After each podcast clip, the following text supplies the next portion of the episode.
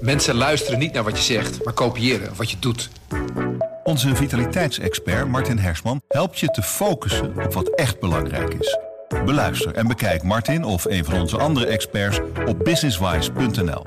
Businesswise, het nieuwe platform voor iedereen met ambitie. Dit is de podcast Politiek Dichtbij. Met Tobias den Hartog en Rick Bolt. De formatie ging weer verder, maar nu gingen de partijleiders van de vier partijen gezellig met z'n allen naar de Zwaluwenberg. Maar is het eigenlijk wel gezellig tussen de partijen? En staan alle neuzen binnen NSC wel dezelfde kant op? Dat en meer bespreek ik met Tobias den Hartog en Niels Klaassen. Uh, heren, een snelle check. Weten jullie nog uh, wat Steven van Wijnberg op het moment doet? Vandaag is hij minister van Financiën. Hoe het ja. morgen voor staat is uh, ongewis, maar vandaag is hij minister van Financiën. Die heeft toch wel even een uh, flitsende twee maanden achter de rug. Uh, met eerst Kamerlid, toen ja. staatssecretaris, nu minister van Financiën. Ja, en wie weet wat hij volgende week is. Ja. Nou ja, was, dit was eigenlijk zijn laatste uh, ritje als Kamerlid. En uh, hij kreeg een soort uh, cadeautje op het einde omdat uh, Oesloe wegging. Hè. Die ging naar Corendon, het familiebedrijf. En toen werd hij dus staatssecretaris voor cultuur. Nou, leuk toch? En de laatste maanden nog eventjes op een ministerie aan de, aan de slag, zolang het kabinet demissionair is. En nu is Kaag weg, dus moet hij weer doorgeschoven worden naar Financiën. En ben je ineens minister. En dus voor altijd ex-minister. Ja, misschien wel minister van Volksgezondheid ook nog binnenkort. Want Ernst Kuipers vertrekt ook. Ja, dat was wel een, eh, een verrassing. En toch ook weer niet, zeg ik dan. Als in eh, Kuipers, die, uh, die kwam natuurlijk van buiten, was nog niet eens lid van de partij hè, van D66, was de, de, bedden, de beddenbaas tijdens de coronapandemie. Uh, grootste ambities, zo werd hij ook uh, op het schild gehezen bij D66. En hij had een enorme veranderagenda. Ja, de frustratie droop er vanaf, want het kabinet was gevallen in de zomer. Hij was uh, koud, een jaar op stoom. Hij moest natuurlijk eerst in zijn eerste maanden die corona-pandemie nog een beetje afronden. Die was toen aan het luwen. En daarna wilde hij echt groots en meeslepend werk gaan verrichten. Dus um, nou ja, de frustratie was van zijn gezicht te lezen. Dus het is heel gek dat hij nu alweer buiten de deur kijkt. Dus voor hem persoonlijk niet. Maar het is een drama voor D66. Die zien gewoon de nummer drie uit het kabinet in korte tijd uh, vertrekken. Je zegt nummer drie al. Het is, het is niet heel ongebruikelijk dat het, dat het leegloopt uh, in nou, zijn demissionaire periode. Nou, de vorige keer ging het ook echt hard. Volgens mij opgeteld tien of elf bewindspersonen tijdens, uh, tijdens de rit opgestapt. Ook in de demissionaire periode veel. Maar voor D66 is het wel, wel heel veel in heel korte tijd. En ik sprak ook een oud bewindspersoon van die partij. en die was gewoon echt zaggerijnig hiervan. Die zegt ja één, uh, één voor één kunnen ze nog allemaal wel een reden hebben. En Sigrid Kaag gaat natuurlijk nobel werk doen in Gaza. En Oeslo heeft de, de, plicht van een familie die roept. En Kuipers had ooit al een buitenlandse baan afgezegd. Hè? Dus allemaal zo één voor één voor één kun je dan nog een beetje uitleggen. Maar het beeld bij die kiezer is gewoon, jeetje, ze laten gewoon eh, de boel de boel. En ze, ze vertrekken voor een functie elders voor hun eigen kansen. En dat, vind, dat, dat zit ze bij D66 ook niet lekker. Is het een minister die gemist gaat worden? Heeft hij nou, hij, was, hij viel opvallend goed. Aan het begin merkten wij toen hij dus uh, ingevlogen werd van buiten en die coronapersconferentie moest doen met Rutte. Ja, het was, het was zijn, zijn onderwerp ook. Dus hij kon daar vrij natuurlijk opereren en had best wel snel gezag. Ook later toen hij probeerde akkoorden te sluiten met zorgpartijen ging het wel oké. Hij was toch wel die man met die, uh, met die achtergrond van tientallen jaren in ziekenhuizen en besturen. Maar uiteindelijk uiteindelijk, uh, noem post-COVID, de kinderhartchirurgie, deze week ook weer nieuws over. Dat wilde hij uh, samenbrengen op minder plekken. De rechter haalt daar nu een streep voor. Uiteindelijk is het toch echt wel een magere erfenis van deze man. Hij heeft natuurlijk nog geen anderhalf jaar, twee jaar gewerkt als minister. Dus ja. Hij was een vakminister, zoals dat heet. Um, ja, dat is toch wat Pieter om zich heel graag wil. Heel veel van die vakministers. Ja, hebben we nou iets van verschil gemerkt in zijn manier van aanpak ten opzichte van een, een politicus? Nou ja, wat mensen bij VWS zeiden toen hij kwam, uh, je hoeft hem niet meer uh, uit te leggen wat geneeskunde is en die medische wereld. En hij is niet een ras politicus, dus je, je moet hem alles vertellen over hoe een kamerdebat werkt en als iemand een motie indient en hoe die minister gaat, dat, dat snapte hij niet. Maar hij, hij kon natuurlijk inhoudelijk, was hij gewoon meteen al op vlieghoogte. Dus met al die gesprekken die je voert als minister intern, met je beleidsambtenaren, maar ook op bezoek bij dat verpleeghuis of bij het ziekenhuis, hoefde je hem niks meer te leren. En dat vonden mensen op dat ministerie heel prettig. Daarvoor hadden ze echt wel een beroeps politicus, Hugo de Jonge. Die hoef je dan weer niks uit te leggen over hoe een kamerdebat werkt. Dat een- doet hij wel, ja. Of, een, eh, of een persconferentie. Dus, maar dus VWS vond dat, vond dat wel heel fijn. Want ze hadden daar ook Connie Helder. Dat was ook een, een dame uit de praktijk. Die heeft ook jarenlang in de, in, de, in de zorg gewerkt. Ook als bestuurder. Dus dat was wel, dat, dat vond men daar wel prettig. Maar of het nou het verschil heeft gemaakt. Kijk gewoon even naar wat hij dan bereikt heeft in die korte tijd. Hij heeft die corona aardig gedaan. Maar dat was niet de grootste uitdaging meer. Hij wilde vooral dat kinderhartchirurgie. Dat is voor hem de toekomst. Eh, zorg, specialistische zorg die heel moeilijk is. Moet je op een aantal plekken in Nederland hè, eh, eh, vestigen, niet meer overal alles doen. Ja, dat is nou voorlopig gewoon mislukt. De rechter heeft een streep gehaald door zijn plan. Dus het is echt mager wat dat betreft. Ja, dus hij zal niet met, niet met heel veel plezier terugkijken op deze periode. Nee, dat denk ik niet. Weet wel wie hem gaat opvolgen? Of, eh? Nee, dat is Steven onduidelijk. van Weijenberg natuurlijk. Geef het een week. Ja, nou, Connie Helder doet het even tijdelijk. En verder gaat D66 op zoek naar een vervanger, een permanente vervanger. Nu zit er natuurlijk nog één grote baas boven. Die, die is ook een beetje aan het rond solliciteren al, toch? Eh, Mark Rutte. Ja, die is heel veel op pad eh, geweest afgelopen jaar, meer dan ooit. En dat valt dan ook nog samen met zijn eigen sollicitatie naar de post van eh, Chief NAVO. Ehm, ja, dat is ook voor hem wel lastig, want Van Rutte is bekend dat hij houdt van routine en vaste patronen en niet te veel wisselingen. Maar hij heeft eh, geen recht van spreken meer als hij nu zijn bewindspersonen toespreekt. Vandaag is de ministerraad als hij zegt, jongens, probeer het een beetje binnen de perken houden. Wacht even met die persoonlijke ambitie en een nieuwe baan. We zijn wel hier het kabinet voor Nederland. Hè. Die uitstraling is natuurlijk niet fijn als dat een duiventil wordt. Maar uitgerekend hij zelf kan misschien wel eens voor het einde van deze dimensionaire rit al eh, geroepen worden voor die NAVO-klus. Dus eh, hij staat wat dat betreft staat hij ook ja, met lege handen. Heeft hij geen recht van spreken. En we weten natuurlijk niet hoe lang dat kabinet demissionair blijft. Want de formatiegesprekken gingen deze week weer verder op landgoed de Zwaluwberg. Het is eigenlijk het hoofdkwartier van de inspecteur-generaal van de krijgsmacht. is niet En- Steven van Wijnberg. is niet Steven van Wijnberg, zover wij weten op dit moment. Het, we, ja, veel herinnert nog aan eh, Prins Bernhard eh, daarbinnen. Het was, eh, die deed die functie lange tijd. Op het landgoed zijn ook al veel formatiegevechten uitgevochten. Waarom bent u hier naartoe gekomen?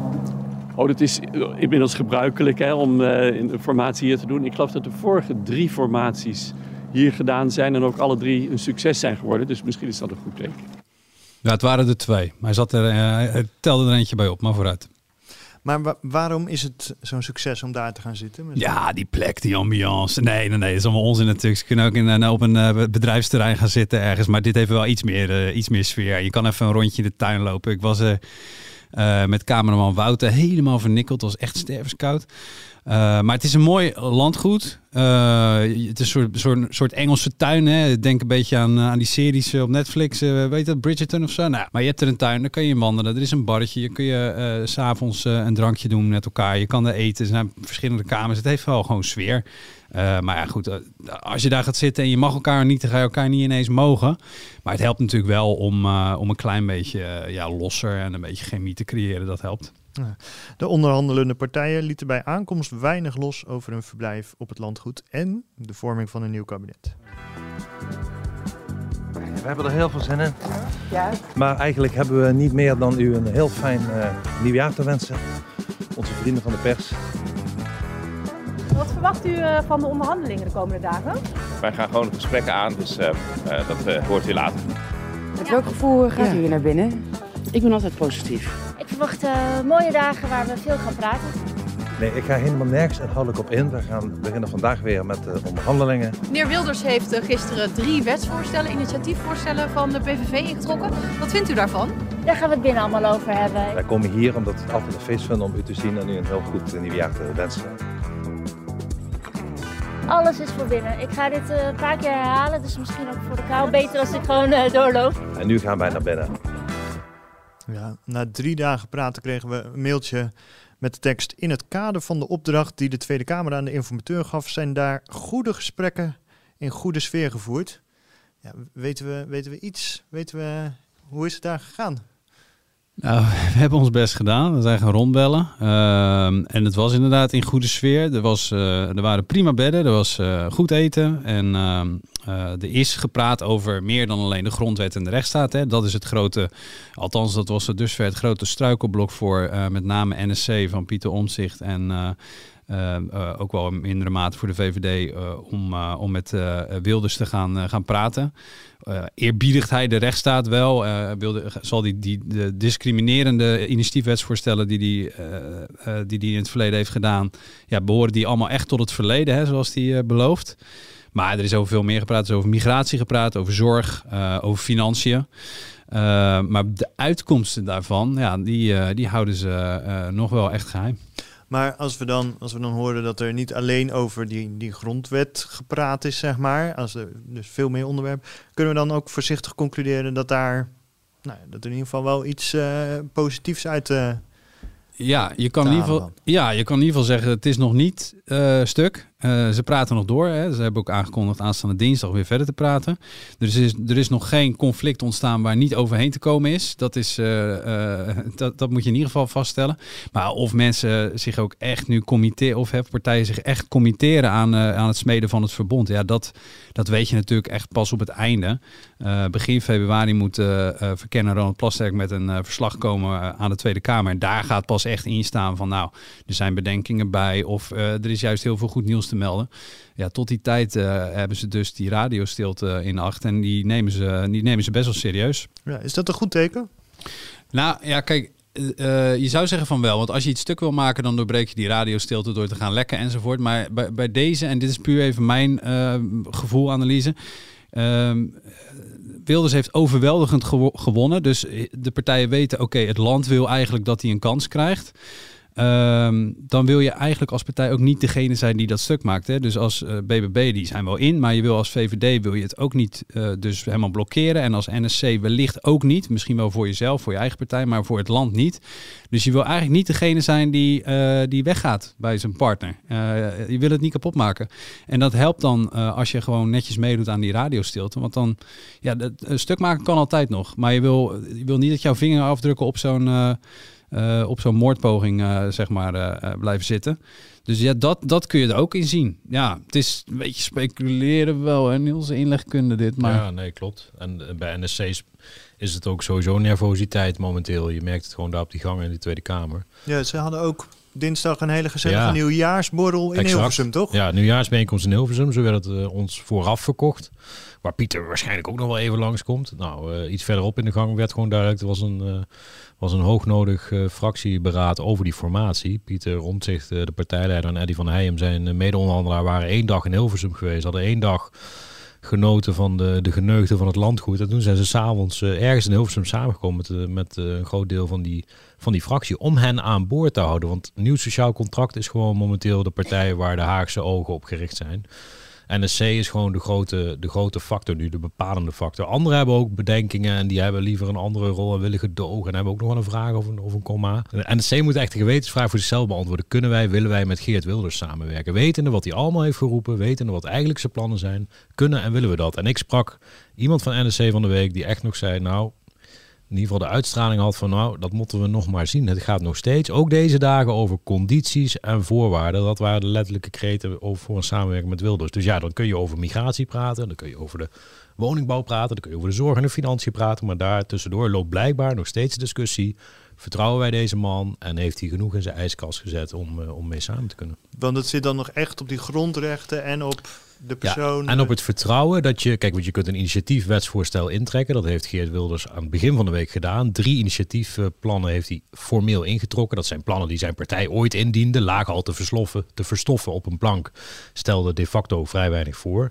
Maar daarvan zei hij: oké, maar dan neem ik ze wel terug. Bijvoorbeeld het verbod op uh, Korans en uh, moskeeën of het verbod op een dubbele nationaliteit als je ambtenaar bent. Heel veel van die in het oog springende plannen die heel controversieel zijn. Maar voor NSC en ook voor anderen trouwens was dat maar een, ja dit was slechts een begin uh, meneer Wilders. Hè. Er zijn nog wel meer plannen van u en er zijn ook nog wel meer uitspraken waar wij moeite mee hebben. Neem alleen al dat minder Marokkanen, de mm. beroemde kreet. Ja. Heeft hij nooit teruggenomen.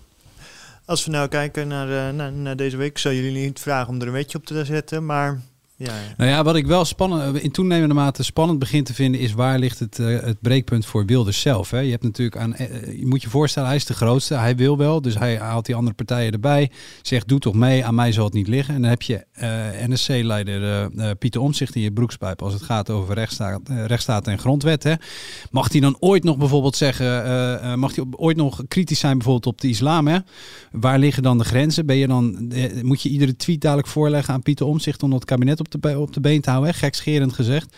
En anderzijds, en dat vind ik ook wel interessant, Wilders heeft eh, een campagne gevoerd op eh, eh, dat Nederlanders op komen, dat het beter wordt. Dus dat gaat om wonen, maar het gaat ook om geld in de portemonnee. En een van de dingen die hij daar steeds bij zei, gebruikte, was het afschaffen van het eigen risico en de tandarts terug in het basispakket.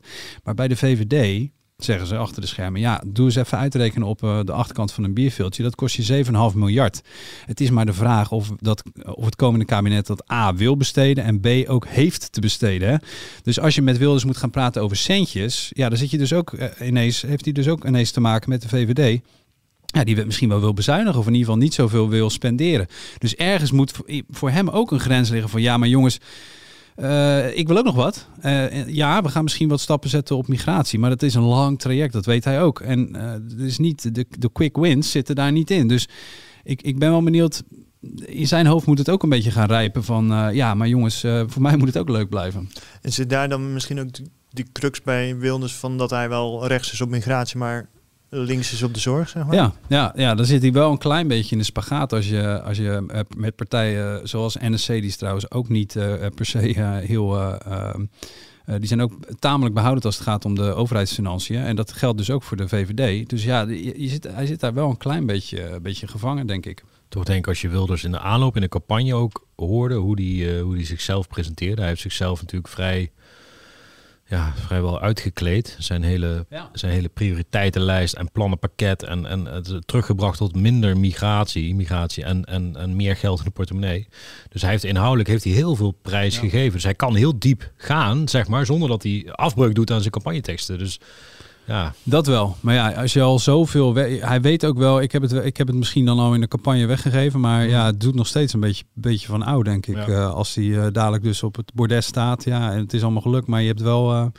eh, je, je gaat wel de programma's van de andere partijen uitvoeren. Hopelijk was er op de Zwaluwenberg ook tijd voor een beetje gezelligheid en ontspanning. Want sommige van de partijleiders die bij elkaar zitten op de Zwaluwenberg kennen elkaar al langer dan vandaag. En dat ging niet altijd even goed, toch Tobias? Nee, want dit is wel... Kijk, we hebben afscheid genomen in, eh, in eh, 2023 eigenlijk van een hele generatie politici. Hè. Die hebben eh, twee, tweeënhalf eh, kabinetten met elkaar gewerkt. Dus die kennen elkaar dan ook wel. Hoe ben jij in de onderhandelingen en hoe eh, zijn de persoonlijke verhoudingen? Die wisten vaak ook wel van elkaar. Goh, eh, kinderen, eh, hoe het thuis, getrouwd wel niet. En deze mensen, eh, een aantal daarvan althans, die, ja, die, die zijn natuurlijk nieuw voor elkaar. Sommigen ook weer niet. Hè. Ehm eh, Omtzigt en eh, Keizer kennen elkaar al heel lang van binnen het CDA. Hebben het ook tegen elkaar opgenomen toen het ging over wie daar de leider moest worden. En Jezielkus en Wilders, die hebben dan weer een, een andersoortige band. Maar dat, om even te beginnen bij, bij die twee, hè, Wilders en Jezielkus, het was nog wel eens netelig. Wilders heeft bijvoorbeeld echt vraag, vraagtekens gezet bij de Turkse nationaliteit van, eh van Jezielgus. En of zij hem dus met die achtergrond wel voldoende zou beschermen. eh, omdat zij ook verantwoordelijk is voor zijn beveiliging. Een minister van Justitie van Turkse afkomst. Nou, ik hoop nog dat ze mijn bewaking eh, in, in, in de zaak in de, in de gaten houdt. Want ze wil me natuurlijk het liefst onder de groene zoden hebben. Ehm, dat heeft u uitgesproken, toch? Ja, dat had, ik, dat had ik beter niet kunnen zeggen, inderdaad. Ehm, ehm, en gelukkig ben ik ook niet onder de eh, groene zoden eh, gegaan. Nee. Eh, maar we hebben dat eh, uitgepraat zoals je dat eh, op zijn tijd met elkaar moet doen. Ze hebben het hier later over gehad en het is goed gekomen. Eh, en nu zitten ze overigens elke maand bij elkaar op haar ministerie, op haar werkkamer om te praten over zijn beveiliging. Dat deed Wilders ook daarvoor al met eh, ministers van Justitie eh, die haar zijn voorgegaan. eh Grappenhaus. Dat is wel het dubbele natuurlijk. Soms maken ze elkaar uit voor rotte vis in het debat. Hè, je weet, het is fameus hoezeer eh Pechtold bijvoorbeeld, hè, toen D66 leidde en Wilders elkaar altijd in de haren zaten, eh, vlogen bij debatten. Eh, maar die gingen in, de weekenden soms wel elkaars partijleden, eh, oh ja, Wilders heeft dan geen maar dan gingen ze met de achterban van hun beide partijen door het Kamergebouw wandelen om een rondleiding te geven. Het wil maar zeggen, voor de schermen deden ze dan heel lelijk tegen elkaar en achter de schermen, joh, konden ze best door één deur. Dus dat zijn ook altijd wel interessante dingen. Hoe zijn die de, relaties onderling? Nou, van Keizer en uh, Omtzigt weten we, die- they go, way back, hè, dus die kennen elkaar. Uh, maar Van der Plas is bijvoorbeeld voor heel veel mensen een, uh, een, een nieuwkomer. Die moet je dus ook een beetje leren kennen. Uh, dat geldt dus bijvoorbeeld ook voor Van der Plas en Pieter Omtzigt. Nou, we weten hoe gek Van der Plas op, op Omtzigt was. Dat was dikke mik. dat was dikke mik in de campagne. Ook al zetten ze er wel op enig moment een klein beetje voorbouw bij. Kijk, ik heb nooit gezegd hij is de ideale coalitiepartner. Ik heb gezegd ik wil met Pieter. En dat blijft. Um, Pieter heeft gewoon een hele goede um, uh, visie, heeft hele goede punten. Um, zeg ik kan uh, dingen naar boven halen. Uh, dus dat is niet veranderd. Maar dat wil niet betekenen dat ik in een totale Pieter-adoratie op mijn knieën voor zijn voeten lig om zijn voeten te wassen, zeg maar. Ik had toch wel het idee dat bij Caroline en Pieter Omtzigt, het was een beetje, het, het was heel veel liefde totdat hij zijn eigen partij oprichtte en toen was het wel een ja, beetje... dat ging ook ten koste van haar natuurlijk. Ze hebben het ook wel lang geprobeerd. BBB heeft ook best wel lang gedacht, gehoopt, gewenst. Pieter Omtzigt sluit zich wel bij ons aan. Dus zeg maar die hele aanloop, toen wij al aan het speculeren waren en aan het bekijken waren wat gaat Omtzigt nou doen, heeft, heeft Van der Plas best wel een paar keer aan zijn jasje getrokken. Joh Pieter, als jij het gezeur niet wil van een partijorganisatie, uh, BBB staat al. Kom erbij. En uiteindelijk heeft zij gezegd in het voorjaar, toen we nog een keer vroegen, van ik ga ook niet trekken aan een dood paard, zei ze toen. En toen was voor ons al een signaal van oké, ze heeft het geprobeerd. Het is niet gelukt. Ze zal hem nooit afvallen om zijn ideeën, want hij is de held van, uh, van veel mensen. Maar toen was wel een beetje de liefde bekoeld. Is er ook nog iets in die verhoudingen veranderd toen, zeg maar, Caroline was de, de grote gedoodverfde winnaar, zeg maar. En op een gegeven moment veranderde dat naar dat Pieter Omzicht de gedoodverfde winnaar wordt. En zij juist de bijpartij. Is daar nog iets veranderd dan? Ja, het is natuurlijk ook altijd wel een ego-ding. Als het een ten koste gaat van de ander. Hè. Dat, uh, de stemmen die naar uh, omzicht zijn gegaan, hadden ook naar haar kunnen gaan. Ik denk wel dat dat inmiddels wel zo'n beetje uh, begraven is. Want ja, dit is de uitslag en hier moet je het mee doen.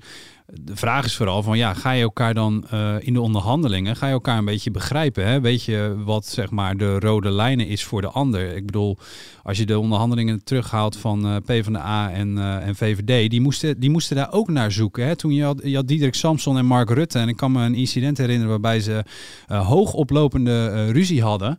Uh, en uh, toen hing Mark Rutte boos op. Hij had Samson aan de lijn, hing op. En toen, toen, toen belde Samson hem meteen terug. En die zei van, hing jij nou op? Ben jij een tienermeisje of zo? Hebben we ruzie op deze manier werkelijk? Nou ja, dan moesten ze heel erg om lachen. Maar dan leer je elkaar wel een beetje kennen van... oké, waar ligt nou ongeveer de grens en hoe gaan we met elkaar om?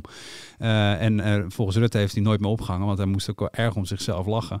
Maar die, dat, moet zich nu dus ook allemaal een beetje gaan zetten en uitkristalliseren. En ik denk dat bijvoorbeeld als het om om zich gaat, dat het bij de VVD, moet je dus ook even kijken. Jezielgus heeft, heeft al uh, geregeld vraag, vraagtekens hebben wat heb ik nou precies aan die man? Hè? Dat deed ze in de, in de campagne al. Weet u, leiderschap is keuzes maken, besluiten nemen. Niet eindeloos twijfelen, maar ook niet met vage toverformules komen. Dus ik zou zeggen, als je geen premier wil worden, prima, maar zeg dat dan gewoon en niet dit soort vaag gedoe.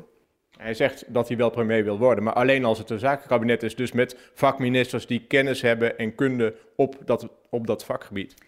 Weet u, um, een zakenkabinet of niet, dit land heeft leiders nodig die daadkracht tonen, die niet eindeloos twijfelen. Daar gaat het over.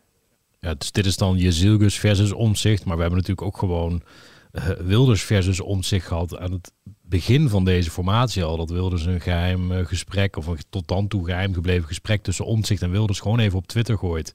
Omzicht heeft natuurlijk, de omzichtfactor in deze formatie moet je niet onderschatten. Omzicht heeft een hele lange geschiedenis met heel veel van deze tafelgenoten nu. En, en soms heeft hij hen aangevallen. Hij heeft ook de VVD natuurlijk al jarenlang achterna gezeten met die toeslagenaffaire. Soms hebben ze hem geprikkeld, zoals Wilders hem prikkelde, over de Raad van Europa of over zo'n geheim gesprek. Dus wat ik zeg, de omzichtfactor is onvoorspelbaar en ook, uh, ook dominant. Want uh, het is een lange geschiedenis. En zowel van, uh, van aanvallen als verdedigen, van kritiek leveren als kritiek krijgen. En ja, omzicht staat niet te boek, anders dan bijvoorbeeld Mark Rutte. Dat is een soort allemansvriend, kan met iedereen door een deur wordt zelfs door zijn grootste politieke tegenstanders wel geliefd, omdat het toch wel een, joviale vent is. Zo is eigenlijk omzicht het spiegelbeeld van, van deze Rutte. Die is supergoed in zijn werk, maar is niet de makkelijkste man om mee zaken te doen. En dat gaat deze formatie of de, de verkenning van deze regering echt nog wel, uh, nog wel opspelen. Het doet me ook denken aan uh, dat het openbaren van zo'n geheim gesprekje. Of zo'n gesprekje gewoon op de achtergrond. Want dat doen, ze, dat doen ze echt geregeld. Maar als je het openbaar maakt, dan maak je dat natuurlijk ook stuk. En dan vertrouwt die ander je minder. Ik kan me nog herinneren dat in de formatie met de ChristenUnie Mark Rutte een keertje naar de fractie van de ChristenUnie is gegaan. Want toen heeft hij tegen Segers uh, gezegd, toen hè, de leider van de ChristenUnie, van joh, ik, ik wil ook best zelf even komen uitleggen hoe ik die dingen dan zie. Hè. Het ging toen over migratie. Misschien dat, dat jouw mensen, jouw achter, jouw fractie, mij dan ook een beetje beter snapt en een beetje meer vertrouwt. En die is toen gewoon, volgens mij was het in het huis van uh, Pieter Grimwis, die toen nog geen uh, Kamerlid was, maar medewerker, is hij gewoon naartoe gegaan en heeft hij dat, heeft hij dat toegelicht. En dat, dat, dat, eh, daar, is, daar is pas later is dat openbaar geworden. Maar dat, dat maakt natuurlijk wel ja, dat je elkaar een beetje leert kennen en een beetje leert vertrouwen. Dat moet tussen deze mensen in deze constellatie natuurlijk nog helemaal gaan groeien. Nog los van mogen ze elkaar, hebben ze een beetje raakvlakken, kunnen ze met elkaar lachen. Um, je had die scène bij het uh, naar binnen gaan van uh, de Zwaluwberg. Hè. Ze kwamen daar aan en Pieter Omzicht had een, had een, ja, een Twentse lekkernij, een krentenwegger ja. meegenomen omdat hij 50 was geworden. En toen zag je Mona Keizer... Uh, joh, Pieter, laat dat ding even zien aan de pers. En hij ging daar heel gemak ongemakkelijk. Nou, oké, okay, dan ga ik wel even staan. Laat ik hem even zien. Nee, nee, je moet hem nog wat beter laten zien. Weet je, het zijn van die kleine uh, dingetjes ook soms. Dat je, ja, snap je een beetje wat je ook aan elkaar hebt? Heb je dezelfde humor? Kijk, een land gaat daar niet op vallen of breken of wat dan ook. Maar het helpt allemaal wel als je dadelijk wil gaan uh, besturen met elkaar. En voor die andere onderhandelaars is, is, is omzicht en die omzichtfactor ook gewoon een mysterie. Dus die partij, ja. daar is al best wel wat verdeeldheid binnen die fractie. Kunnen we dit, willen we dit, durven we dit? Maar ook mede onderhandelaars aan tafel van andere partijen. Ik vroeg van de week aan een van, ja, gaat, gaat Pieter Omtzigt dit doen? En, en, en deze bron die kaatsen de bal terug van, ja, we weten het niet, vraag het hem zelf. Maar ze kunnen hem moeilijk, hem en zijn partij moeilijk peilen. Is dat toch weer die, die Pieter, die twijfelaar, zeg maar, die ja, twijfelaar, alles afwegen. Waarom nu besluiten als het ook volgende week kan? Nog één keer overdenken. Het gaat ook ergens over. Hè? Ik bedoel, het is geen alledaagse formatie met alledaagse partijen. Het is een hele bijzondere uh, samenstelling van partijen, van mogelijke coalitiepartners. Dus het is, ook wel, het is ook wel een dilemma dat voor ligt. Ook bij die andere partijen. Ook bij de VVD zal een dis discussie komen als er een samenwerkingsvorm uitkomt. BBB kan ik moeilijker inschatten. Maar het gaat ook ergens over. Alleen NSC is dan nu de partij waar het dan het, het meest, het meest gevoelig ligt. En het ook het langst uh, en, gaat duren. En daar wordt wel over gerold, hè Niels? Ik bedoel, voor wat het waard is, maar er wordt al geroddeld over dat die fractie verdeeld zou zijn. Zeker, zeker. Er, worden al, er gaan al namen rond van deze mensen hebben gewetensbezwaren. We kennen allemaal nog het CDA met Koppen Jan en mm. Ferrier. De mensen die echt niet, de, de Kamerleden van het CDA die echt niet met de PVV wilden. Ja, er zouden er wel vier of vijf van bij NSC rondlopen. Nou ja, die houden allemaal heel netjes hun mond uh, tot dusver. Maar ja, je hoeft ook geen uh, hooggeleerde politicoloog te zijn om te kunnen inschatten dat daar in die fractie mensen lopen die gezien hun werk, gezien hun opvattingen gewoon moeilijk kunnen leven met een kabinet met deelname aan het kabinet wilde zijn. En dan is toch, het gaat over echt belangrijke dingen. Het gaat over het land. In hoeverre is het dan belangrijk dat je het gezellig hebt met elkaar? Dan hoeft dat toch helemaal niet. Dan kun je toch gewoon net zo goed. Uh, Tuurlijk is alles een verstandshuwelijk. Hè. Het, uiteindelijk zijn het professionals. Maar juist bij vertrouwensvragen, onderling vertrouwensvragen, heb je, heb je die, die eerste basis nodig. Het is mensenwerk. Hè. Ik bedoel, anders kunnen we ook een paar robots laten formeren. En dan kunnen ze een samenvatting maken van de verkiezingsprogramma's. Het is mensenwerk. Het moet als het erop aankomt. Er komt een nieuwe pandemie, er komt een oorlog, er komt een, een nieuwe vluchtelingencrisis. Dan moet je ook samen die crisis het hoofd bieden. Kun je nu nog niet bedenken hoe je dat precies gaat doen. Het is namelijk een crisis die je niet kent. Maar dan moet die basis, dat basisvertrouwen zijn. Dan moet er een vorm van chemie wel, wel zijn. Dat is gewoon, dat werkt beter. Ja, en is dat ook niet juist in die onderhandelingen heel belangrijk voor het een beetje gunnen, een beetje, een beetje laten, een beetje... Ja, zeker. Want je weet, je weet gewoon nu nog niet uh, wat spel is in de onderhandelingen en wat echt iemands uh, dit ga ik niet meemaken lijn is. En, en die, die, zijn, die moet je dan ja, gaandeweg toch een beetje gaan uh, leren kennen, een beetje aftasten. En uh, in de afgelopen kabinetten hadden ze daar best een, een, een duidelijke ja, soort term voor. Hè. Dit is mijn rode lijn, werd er dan gezegd. Nou, dan, dan wisten de anderen ook, oké, dat is serieus. Dit is, dit is echt gewoon, dit, dit wil hij niet meemaken of zij niet meemaken. Uh, maar alles tot dat punt, ja, dat was onderhandelingstactiek. en dat was een beetje voor jou en een beetje voor mij. Ja, dat, uh, dat moet hier allemaal nog maar uitgekristalliseerd worden. Komende week staat er in de Eerste Kamer iets spannends op het programma. Volgens uh, Erik van den Burg en Tobias uh, Den Hartog. Namelijk de behandeling van de spreidingswet. Ja. Heb je even kunnen. Hoeveel afleveringen hebben we hier aan gewijd aan die spreidingswet? Jongen, jongen, jongen. En nu is die er, althans in de Eerste Kamer. En nu is het de vraag, gaat dat ding het alsnog halen? Hè? Ik bedoel, er is eh, hoogoplopende ruzie. Een kabinetsval zo'n beetje had er ook eh, deels mee te maken. Ja, en eh, eh, eh, nu ligt hij in de Eerste Kamer. En nu is het nog maar de vraag of hij het gaat redden. Nog even voor de helderheid. Het kabinet wil dat ding. althans, dat is het, het kabinet. Maar ja, de VVD wil hem eigenlijk niet meer. Hè? De, de optie of de wet die gemeente kan dwingen tot de opvang van asielzoekers. Ehm, en nu is het aan de Eerste Kamer. En we weten eigenlijk niet of daar een meerderheid voor is. Het ding is dus wel door de Tweede Kamer heen gegaan. Eh, maar Zou het zou spl- gesplit zijn, hè? Volgens Ja. mij is er een eerste telling gedaan van de Burg zou dat gezegd hebben dat hij hij dacht dat het 37 37 stond en hij twijfelde nog over één, één stemmer. eh. Ja, ja het, het, het zou zomaar neer kunnen komen op wat de OSF gaat doen. De, de onafhankelijke eh, fractie binnen de Eerste, eh, eerste Kamer. Met als lijsttrekker? Zoeken we op. Ja, dan gaan de punten voor de ja, ja, Steven op. van Wijnberg hoorde ik laatst. het zou me niks verbazen als hij het is. Maar nee, het wordt echt een dubbeltje op zijn kant. En eh, eh, het wordt sowieso een ongelukje. Want kijk, stel dat het ding het haalt, dan heeft de VVD dus een wet waar het niet achter staat. Bovendien een wet die in de formatie eh, bij de for- for- formerende partij gevoelig ligt. Hè? Eh, want de PVV wil hem niet, VVD wil hem niet.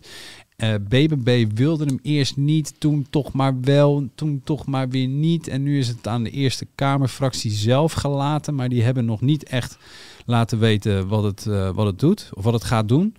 Dus dit wordt, eh, ja, dit wordt spannend. Spelen daar dan nog die formatiegesprekken een rol? Eh, Nou, formeel niet, want de Eerste Kamer is gewoon een zelfstandig orgaan. Dus die kunnen doen en laten wat ze zelf willen. Maar ja, reken maar dat die eh, eh, partijleiders eh, de- dit weekend eh, overleg hebben met hun, eh, hun eh, eh, fractieleiders van de Eerste Kamer. eh, om te nou ja, vragen, zeggen wat ze moeten gaan doen. Eh, ja, dat natuurlijk, daar is, daar is absoluut eh, contact over. Maar ik denk dat je dat eh, op, eh, aan het begin van de week dat het allemaal pas helder gaat worden.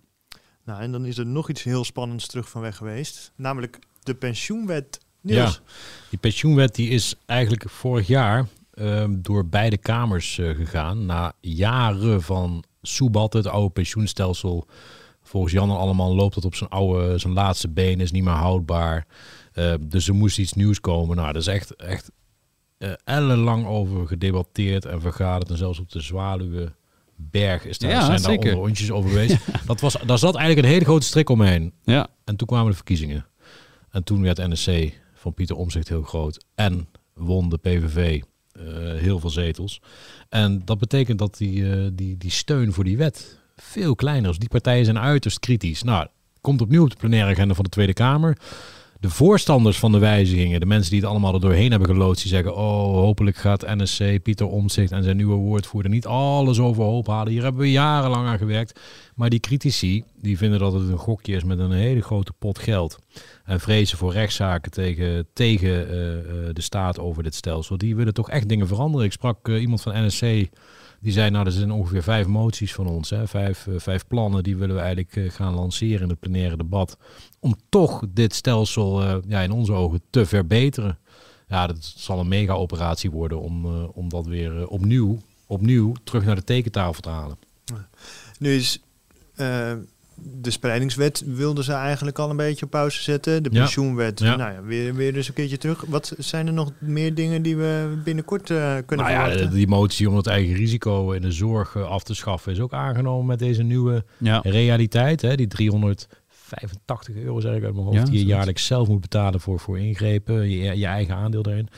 Eh, ja, zo is er een heel rijtje. Alleen het is nu toch een beetje de twilight zone. Hè? Want die, die nieuwe Tweede Kamer is er wel. Die kan die hele mooie motie aannemen. Eigen risico morgen afschaffen. Ja, eh, Ernst Kuipers of zijn opvolger Connie Helder. Of Steven van Wijnberg. Die zegt dan, ja sorry, wij zijn even het oude kabinet. Ons past bescheidenheid. Eh, dat mogen jullie mooi doen, nieuwe formerende partij, als jullie straks zitten. Dus het is ook een beetje een kat-en-muisspel tussen, laten we zeggen, de oude zittende macht, de uitvoerende macht, die kabinetsploeg die nu in, in, de, in de treffenzaal zit, en de nieuwe, de nieuwe eh, wannabe eh, premiers en ministers. En dat, ja, dat zie je steeds terug. Bij die spreidingswet zag je het hè, met die motie. Die werd ook weer, eh, weer een beetje gewijzigd. Je zag het bij dat eigen risico en ook bij die steun voor Oekraïne. Waar Rutte volgens mij vlak voor het reces in het debat zei... joh, als jullie deze motie aannemen dan en mij ik weg." dwingen iets te doen Ja. waar ik geen zin in heb... ik wil Oekraïne blijven steunen, dan stap ik wel op. Ja, dat soort, Ja, dat wordt ook maar zelden uitgesproken, zo'n machtswoord. Maar in die fase zitten we nu. Kijken jullie hier ook al naar uit? Mijn leven is heel erg veranderd sinds ik in de politiek zit. Alles is anders. Ja, ik wel. Ja, ik vind het wel spannend. Dit is dus een do- documentaire die Jair Verwerdaai, die kennen we als de olijke verslaggever van, uh, van Jinek, uh, heeft gemaakt over Caroline van der Plas. Hij heeft haar gevolgd vanaf de dag van de val van het kabinet tot aan de verkiezingen. Het is eigenlijk een verslag van haar campagne. Ja, en de trailer voorspelt, ja, dan word je natuurlijk lekker gemaakt, maar het voorspelt een hoop goeds. Je ziet daar uh, make-up aanbrengen, je ziet daar huilen, je ziet er gefrustreerd roken. Uh, je ziet er zelfs uh, volgens mij een beetje twijfelen over, moet ik dit allemaal nog wel willen? Uh, dus ik, ik ben wel benieuwd. En natuurlijk komt haar dit goed uit, hè? Want ja, zij presenteert zich als de gewone vrouw, hè? Die, die gewoon normaal is. Dus daar horen ook al die normale scènes bij, hè? Uh, in de huiskamer, zo heel kneuterig met haar, uh, met haar uh, BBB-aspirantkamerleden zie je bijvoorbeeld. Uh, dus ja, dit valt in haar straatje. Maar ik vind het sowieso waanzinnig moedig uh, om je als uh, politicus zo te, zo, te laten volgen. En, in Frankrijk lieten ze Emmanuel Macron volgen in, de opmaat, in de opmaat naar de, de Russische inval. En wij hebben een portret van Caroline van der Plas. Ja, dat laatste de, de, bij Macron was volgens mij ook uiteindelijk wel een beetje promotiemateriaal. En ik sprak ja. van der Plas van de week op de gang. En toen zei ze van, ah, ik ben ontzettend blij mee geworden. Nou, ik kan me als documentairemaker voorstellen dat je niet per se wil dat je subject blij is. Want ja, het, is, het moet een eerlijk portret zijn en geen promo-portret. Maar goed, ik vind het niet te meer moedig en ik ja, ben erg nieuwsgierig. Het moet ook meer gebeuren. Ik bedoel, Emil Roemer heeft het wel eens aangedurfd. Ja. Ik denk dat hij er spijt van heeft, want hij verloor die verkiezingen. Uh, Sigrid Kaag heeft het gedaan, nu Caroline van der Plas. Ja, er moet meer geschreven en meer gefilmd worden hoor. Ik bedoel, uh, het wordt allemaal zo afgeschermd hier in Nederland. Dus, ja, ik zeg webcam op onze redactie. Ja, zeker. Ja, hem gericht. Tot zover deze aflevering. Uh, volgende week denk ik met uh, Steven van Wijberg. Ja. ja. en vind je dit nou een leuke podcast? Abonneer je dan, zodat je geen aflevering meer mist. Volgende week dan zijn wij weer. Tot dan. Mensen luisteren niet naar wat je zegt, maar kopiëren wat je doet. Onze vitaliteitsexpert Martin Hersman helpt je te focussen op wat echt belangrijk is. Beluister en bekijk Martin of een van onze andere experts op businesswise.nl. Businesswise, het nieuwe platform voor iedereen met ambitie.